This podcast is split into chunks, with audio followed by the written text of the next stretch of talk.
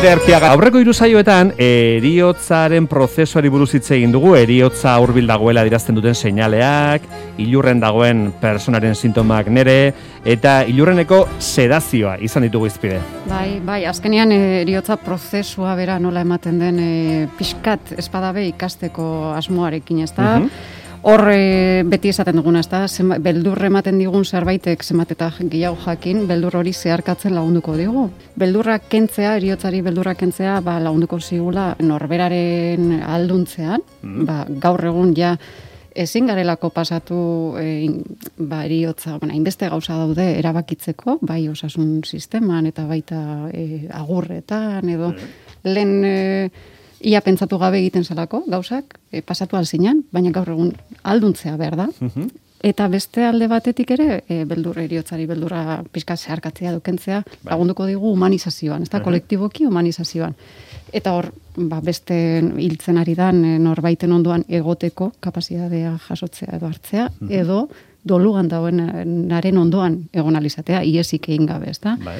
Hori izaten dugu beti eh, herritar bezala, ez? Baina bereziki nahiko genuke esan baitere, osasun langileekin, uh -huh. eh? E, beharrezkoa izango litzatekela eriotzaren gaia lantzea.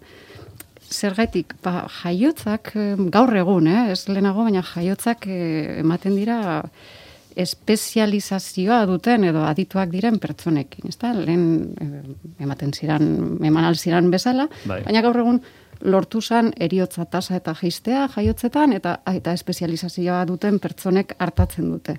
Eriotzekin hori ez da gertatzen eriotzak ematen dira, e, ba, aitzen genuen, ez, e, e, ez dago espezializazio bai, batetik. Bai, bai, eta orokorrean somatzen da, eta bueno, eta hortaz jakitun dira, eta hortaz bai. konstiente dira, e, erizain eta medikoak trebakuntza falta zaiela, bai. gai hauek lantzeko, ez da? Bai, batetik hori, asaintzarin garrietan ez dago espezializaziorik, mm herrialde batzu badute, baina bai paralean, bai egualdean ez daukago espezializaziorik, eta, eta gero hori, zaintzarin garrietan ematen diren e, eriotzak batzu dira, mm. gehienak emango dira, beste beste e, osasun sistemako sail guztietan, ezta? Bai.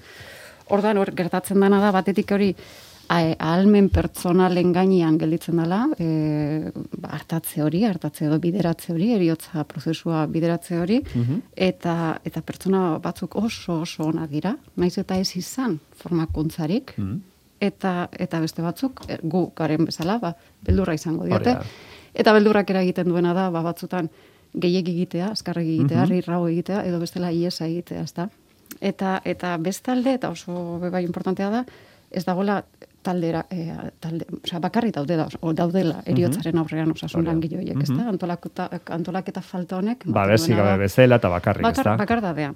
Bai, hor da, bueno, guzti horrekin, eh, esan nahi duguna da, garrantzitsua dela, egoera honetan gauden bitartean, ba, garrantzitsua dela, oinarrizko jakintza izatea. Bai, herritar bezala, eta bai, osasun langile bai. bezala. Bai. Lujozko egoeran jarraitzen da, zaintzaren bai. gerretako adituekin, eta eta ez nola nahiko adituekin, mm -hmm. eh? Inigo jarraituko dugu, bera etxeko hospitalizazioko medikua da eta zaintzarin garrietan aditua eta aurretik egonda gurekin azalpen guztiak ematen eta gaurko saioan egingo duena da entzuleek bidalitako e, komentario edo galderak e, erantzun. Erantzun, bai. Mm. E, inigo suberbiola. Bai, bai, inigo, bitxu, nik e, jaso nuen e, aspaldi aspaldiko ezagun baten mesuat, esan ez jo, ba, justo zukeindako bi saio entzun zituela, berak eriotza prozesu baten zegoen laguntzen, ondoan, eta asko lagundu zio, ziola, ez da, gida bezala izan zirela saio horiek, eta beste aldetik, jaso nuen lagun baten mesua, no, esaten, nola, zuk e, bere amaren eriotza prozesuan e, bueno, lagundu zeniela, amari lagundu zeniola, eta benetan ere eskertuta eta, eta bueno, zeuri eskerrak emateko e, agintzen zida. Eh? Imaginatzen dut horrelako esker, bai, eskerroneko mezuak jasoko dituzuela, ez da, zuen lanari esker. Bai, e, bueno, e, gauza honak eta gauza txarra jasotzen ditugu danak, baina bai, eskerroneko mezu, mezu asko, bai. Eta esan dezun hori gida bezala balio izaterena, ba nik uste hori dela saio honen helburua, eh? Ba, danoi pixka bat, nik medikuntza aldetik, baina bakoitza dakigun arlotik, ba, ba, gaia ateratzea, eta zorion du gaztaitu eta tala gatik. Baina, bueno, oso garrantzitsua ez zait hau, hau gizarteratzea. Hmm. Azkenean, e, danoi pasako zaigun zerbait e, gizarteratzea ezagutzea oso garantzitsua dut zait. Eta gida bezala balio badin badegu, ba, bakoitzak egin dugun ataletik, ba, ba, hori da helburua da ni asko pozten naiz. Nik eh, hor eh, ondarra letxo bat jarri baldin badet, ba, asko pozten naiz. El dieza egun entzulek esan dako, eh? entzule batek dio, e, iruditzen zait etxean beldurri gabe itzegin behar dela eriotzari buruz. Zuek inigo etxe batera heltzen zaretenean, lortzen duzu familiak eriotzari buruz beldurri gabe itzegitea, ala horretarako denbora gehiago behar izaten da, edo? Bueno, ba, saiatzen geha, nik uste dut e, eriotza askoren e, eman dezakegun laguntzaren parte handi bat hori izaten dela, ez?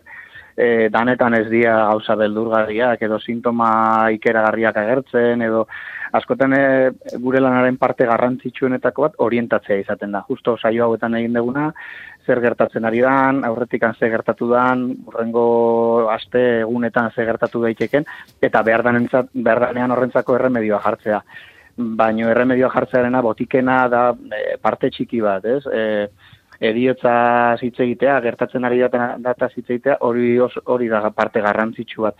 Mm Beti ez da lortzen noski, azkenean horre faktore asko sartzen dira, e, bai ilurren dagoen pertsona noraino dan gai prozesua ulertzeko eta prozesu hortaz ulertzeko, hor prozesu horri buruz hitz egiteko, eta familiarekin berdin. Azkenean familian eta inguruan zenbat eta pertsona gehiago izan, pues, bakoitza egoera ezberdinean dago, e, bai gaixotasunarekiko, bai eriotzarekiko, eta pixka bat hor e, oreka bilatzen saiatzen mm. baina bai, oso garrantzitsua da, horri buruz lortzen danean, ongi hitz egitea, e, modu irekian hitz egitea, eta beldurri gabe, ba noski laguntza handia izaten da. Mm bai, bai.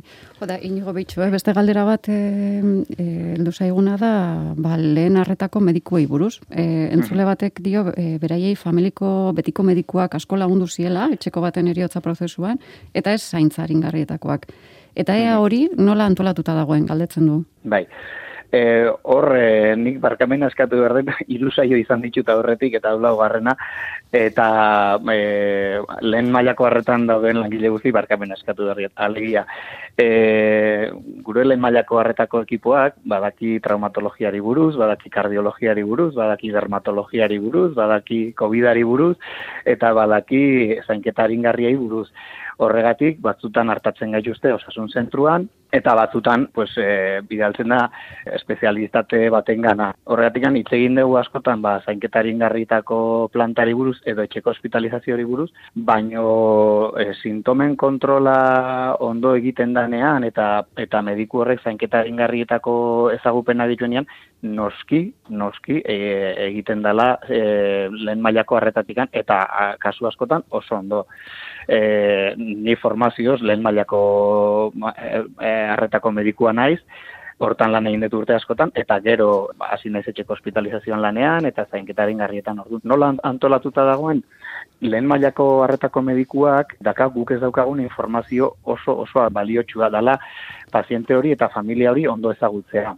Eta hori mm. lan honen parte oso garrantzitsua da. Orduan, sintomen kontrola eh, ondo egin daitekenean, edo sintoma gutxi da denean, edo eriotza normal bat, esan nahi, e, ba, e, asaldadura ondirik gabekoa denean, e, lehen mailako harretako medikoek askotan eta oso ongi egiten dute eta ez dute binora deribatu beharrik eta beste edo e, hospital batera bidali beharrik inorrez eta e, bueno, bidali dizuen pertsonarre bezala paziente askok eta askok esan ah, ba, niri, nire kabezerako medikuarekin izan zen, eta nire kabezerako medikuaren erizain eta ekipoarekin, eta dena oso ongi joan zen askotan eta askotan. Bueno, e, esaten ari garen guztiarekin nahiko loduta doa aurrengoa ere, e, familiak osasun langileen gandik jasotako lasaitasunari buruz ere jaso ditugu ekarpenak, entzule batek dio. Etxeko hospitalizazioan aritzen den medikuaren azalpenekin lasaiago egin genion aurre, aitaren eriotzari, dena errazago gertatu zitzaigun. Eta beste batek, ilurren daudenean batzuetan ematen den arnazari buruz inigo zuk emandako azalpenak entzunda idatzi zuen batek, e, guk ere hori pentsatu genuen itotzen ariko zela eta sufritzen ariko zela, baina gertatzen ari zitzaionaren esanaia azaldu zigutenean lasaitu ederra hartu genuen. Beraz, mm. ze garantzizko diren azalpenak egin Hori da, hori da. Bai, e, berriro esatu dizuet, lanaren partea handi bat izaten da gauzak ulertzen jutea. Eta, ba, bueno, leno herrietan eta auzoetan eta baserrietan ba, familiako helduek egiten zuten guk egiten dugun lanaren parte handi bat, ze bazekiten nola gertatzen zien prozesu normalak, ez? Bazekiten ze gertatzen ari zen. Eta esplikazio horiek askotan gertatzen zaigu, ez? E, familian heldu bat dagonean begiratzen digula esan ez dela, bueno, hortarako etorri altzeate. E, behar da esplikazio bat gertatzen ari, ari, ari buruz, eta noski, ba, ba, ba, lasaitasunik ez aldima da, ba, hori horri erremedio jartzea baina hori. Ba, ba, entzule honek esan duen bezala eta leno aipatu duen bezala, bai, gauza kulertzen jute asko laguntzen digu. Bai, ilurren dagonari eta bai inguruan dagoen gauden guztioi. Hmm. Bai, ze, zaintzaren garrietako praktiketan, ba, jakina, e, ilurren dagoen personaren zaintza oso importantea da, baina inguruan dauden personen eta familien zaintzare, bai, nigo. Guk beti hartu dugu dana bat. E, azkenean de, danok eragiten dugu elkarri eta oraindik gehiago etxean egiten danean e, hartatze hori, ez? E, hartatze hori etxean dagonean, ba bueno, eh hogeita lau orduak e, familiak pasatzen ditu ondoan, ez? Gu gaude telefonoz, gu juten gera, bisita bat egiten dugu, esplikazio batzuk eman edo medikazio bat jarri, baino benetan hogeita lau orduak familia dago orduan e, aldan ondoen egon bar dute bai ilurren dagoenak, baina baitare familiak eta batzutan esplikazio bat behar du e, ilurren dagoenak, bestetan familiak, bestetan danok, orduan, bueno, aldan oreka txukunena bilatzea izaten da helburu eta bai, e, familia eta eta eta ilurren dagoena bai, biak mm. biak garrantzitsu garrantzi berdineko noski. Ora, e, e, nigo bitxu, men beste galdera bat da, e, deliriumari buruz. E, deliriuma zer den, eta, bueno, zergaitik ematen den, eta nola zaindu behar den, e, galdetzen dute. bueno, deliriuna pixka bat, e, aurreko saioan e, aipatu gendun sedazioari buruz hitz egin gendunean, e, nolabait gainetikan berari buruz hitz egin gendun. Alegia, azken fasetan ematen dan asaldadura, kontzientzi galera, e, bueno, hori alatu daiteke delirium bat izate. Azkenean deliriuna, e, bueno, egoera konfusionala kutu bat da, garunaren funtzionamendu oker bategatik, e, baina hori hitz teknikoak kenduta da, bueno, ba, buruan baite galtzea edo kontzientzia pixka bat galtzea azken fasean. Hori minbiziaren azken egunetan euneko larogeita marre, pertsonen euneko larogeita marrean ere gertatu daiteke. Mm Burua pixka bat asaldatzea, e, jendean astutzea bat abesteekin, e, bapatean oso lokartu eta bapatean oso esna egote hori, hori oso maiz gertatzen da, gaxotasun kroniko eta evoluzionatuen azken fasean. Eta hor, hori da pixka bat sedazioaren inguruan aipatze genduna, ez? Ba, deliriuna ditu daiteke eta izen ezberdinak ditu, baino azkenean asaldadura hori bukaerako, bueno, ba, ezin egon hori da deliruna e, deitzen dana ere, ez? Eta hori aipatze gendu, ba, batzutan e, hitz egitearekin, giro lasaiarekin, familia ondoan egotearekin asko lasaitzen da, e, esan ez hemen nago, e, soinu gutxi, bulia gutxi, e, goxotasuna eta etxeko norbaiten ondoko ba, eskua helduta ukitzeak adibidez askotan laguntzen du, eta bestela medikazioa behar izaten da. Ba, bai lasaitzeko maila batean, eta eta maila horrekin nahikoa ez balitz, ba, sedazioarekin, ba, guztiz lokartuta pertsona hori e, ba, lasaitzeko ez. Hmm. Horra aipatzeko gehatu zitzaigun le, e, lehenko egunen ere sedazioarekin, eta morfinarekin aipatu nunean adibidez mina kontrolatze horrekin, bai. ba gauzak aldegun ondo egin, ondoen eginda ere, ez dala beti lortzen. Ez? Eta ba, ba, guztiz lasaitzea, edo mina guztiz baretzea. Ez? E, ba, badiru diemen aipatzen egenean, bueno, ba, bueno, ba, aurrenak abezerako medikoak, ba, bestela, bueno, ba, espezialita ez batek, eta bestela e, medikazioa, eta medikazioa ez bada sedazioa, eta ematen du dana, ba, bueno, dana ondo eginez, dana ondo ateratzen dala, eta, bueno, eiga oso koso kasu orokorretaz, eta aldegun ondoenaz. Mm Baina badira kasuak dana aldoan ondoen eginda ere, ba, lortze ez dena, ba, guztizko lasaitze bat, mina guztiz kontrolatzea, eta horrek, ba, bueno, ba, sentsazio txarra, eta mina uzten du etxekoengan, eta baita ea, langile ongan ere, esatea, ba. Mm. Eta hori gertatzen da, hori estadistikoki ikusten da, ba, badaudela pazienteak, ez dakiguna zergatik gertatzen da, bai. Mm. E, hor, nik entzun daukatena da, oso kopuru, bueno, ba, jua, euneko amarra izango litzatekela, zaintzarin garrien ezagutza guztia aplikatuta, ez da? Hori da, baina ezagutza guztia rekurso guztiekin, ez? Eta hori. hor kentzen azten badea, ba, rekurso guztia jartzez dianean, aliazio eta egunean informazio hori edo berandu egin mugitu berenean, bai osasun langileok, edo bai e, beldurrengatik familiak edo etxekoak edo Orduan, ba, bueno, hori ba, batzutan kopuru handiagoa da, eta egia da, ba, bueno, ba, hemen egiten egia da, ba, idealataz eta orokorretaz, baina gero da no jasotzen ditugula informazio jo, ba, nere, ba, hori esaten naizea, baina baina gure etxeko kasua etzen hori izan, eta ba, etzan lortu zeratzea, etzen lortu lasaitzea, baita ere, baita ere, ez da, mm ez dugu mm. danok dana ondo egiten eta ez da bai. dana beti ondo ateratzen. Ez da mm. naita eta saiatuta eta ez da gupenekin ere. Bai, a ber, helburua izango zen etorkizunera pizkanaka pizkanaka e, osasun sisteman ere zaintzan ingar, eringarriak e, zabaltzea, osea espezializate espezializate espezializazioa. Jesus, izango epa. Bihurtzea eta eta eta euneko hamar hori e, mm. izatea ez da bakarrik eta etorkizunean claro teknologiaren aurrerapenarekin euneko hamar hori ere gutxitzea ez da bai. hori izango zen ideala hmm. ba hori litzake ideala bai, bai. ondo legoke bai bai, bai. onerako Bai. Azkeneko komentario bat entzule batena, sedazioari buruz, entzule gure amari, sedatu behar zutela esan zigutenean, ez ziguten azalpenik eman, eta gu ere ez ginen ausartzera galdetu oso urdurik geundelako egoerak hmm. gainezka egin izan baligu bezala. Hmm. Ja, Esango beno, bai.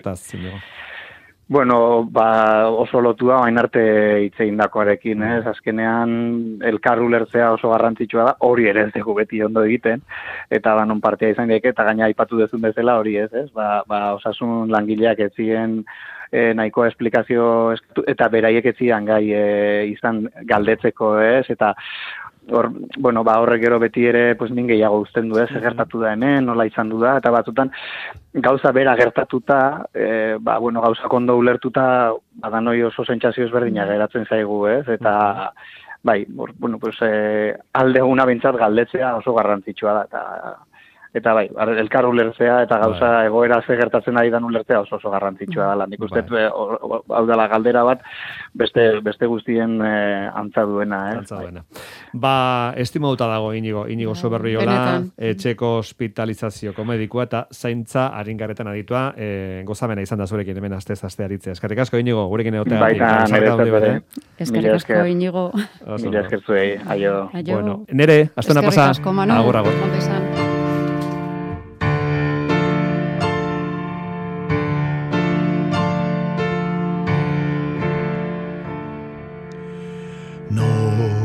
Galduak zineten gure lagun horbilak. Bizitzaren gozatzaile egun batean hilak. Zuen hitzalek diraute gaur ametxetan Bizidunaren solas gai diren min handietan.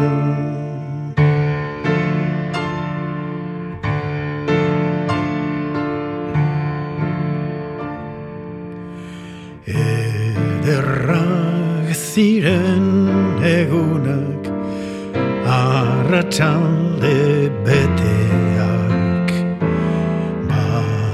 baratzaren itzalera zeramaten ateak.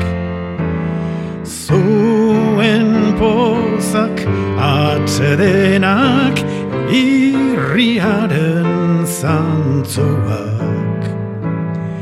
Hainbat aldiz izoztuak aladura antzuak izan zineten osorik gorputz eta izpirituz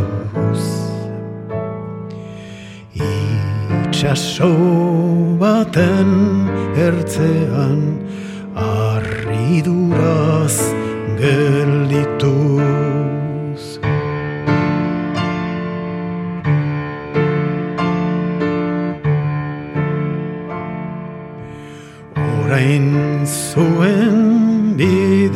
bidetatik darraikigu bizitza.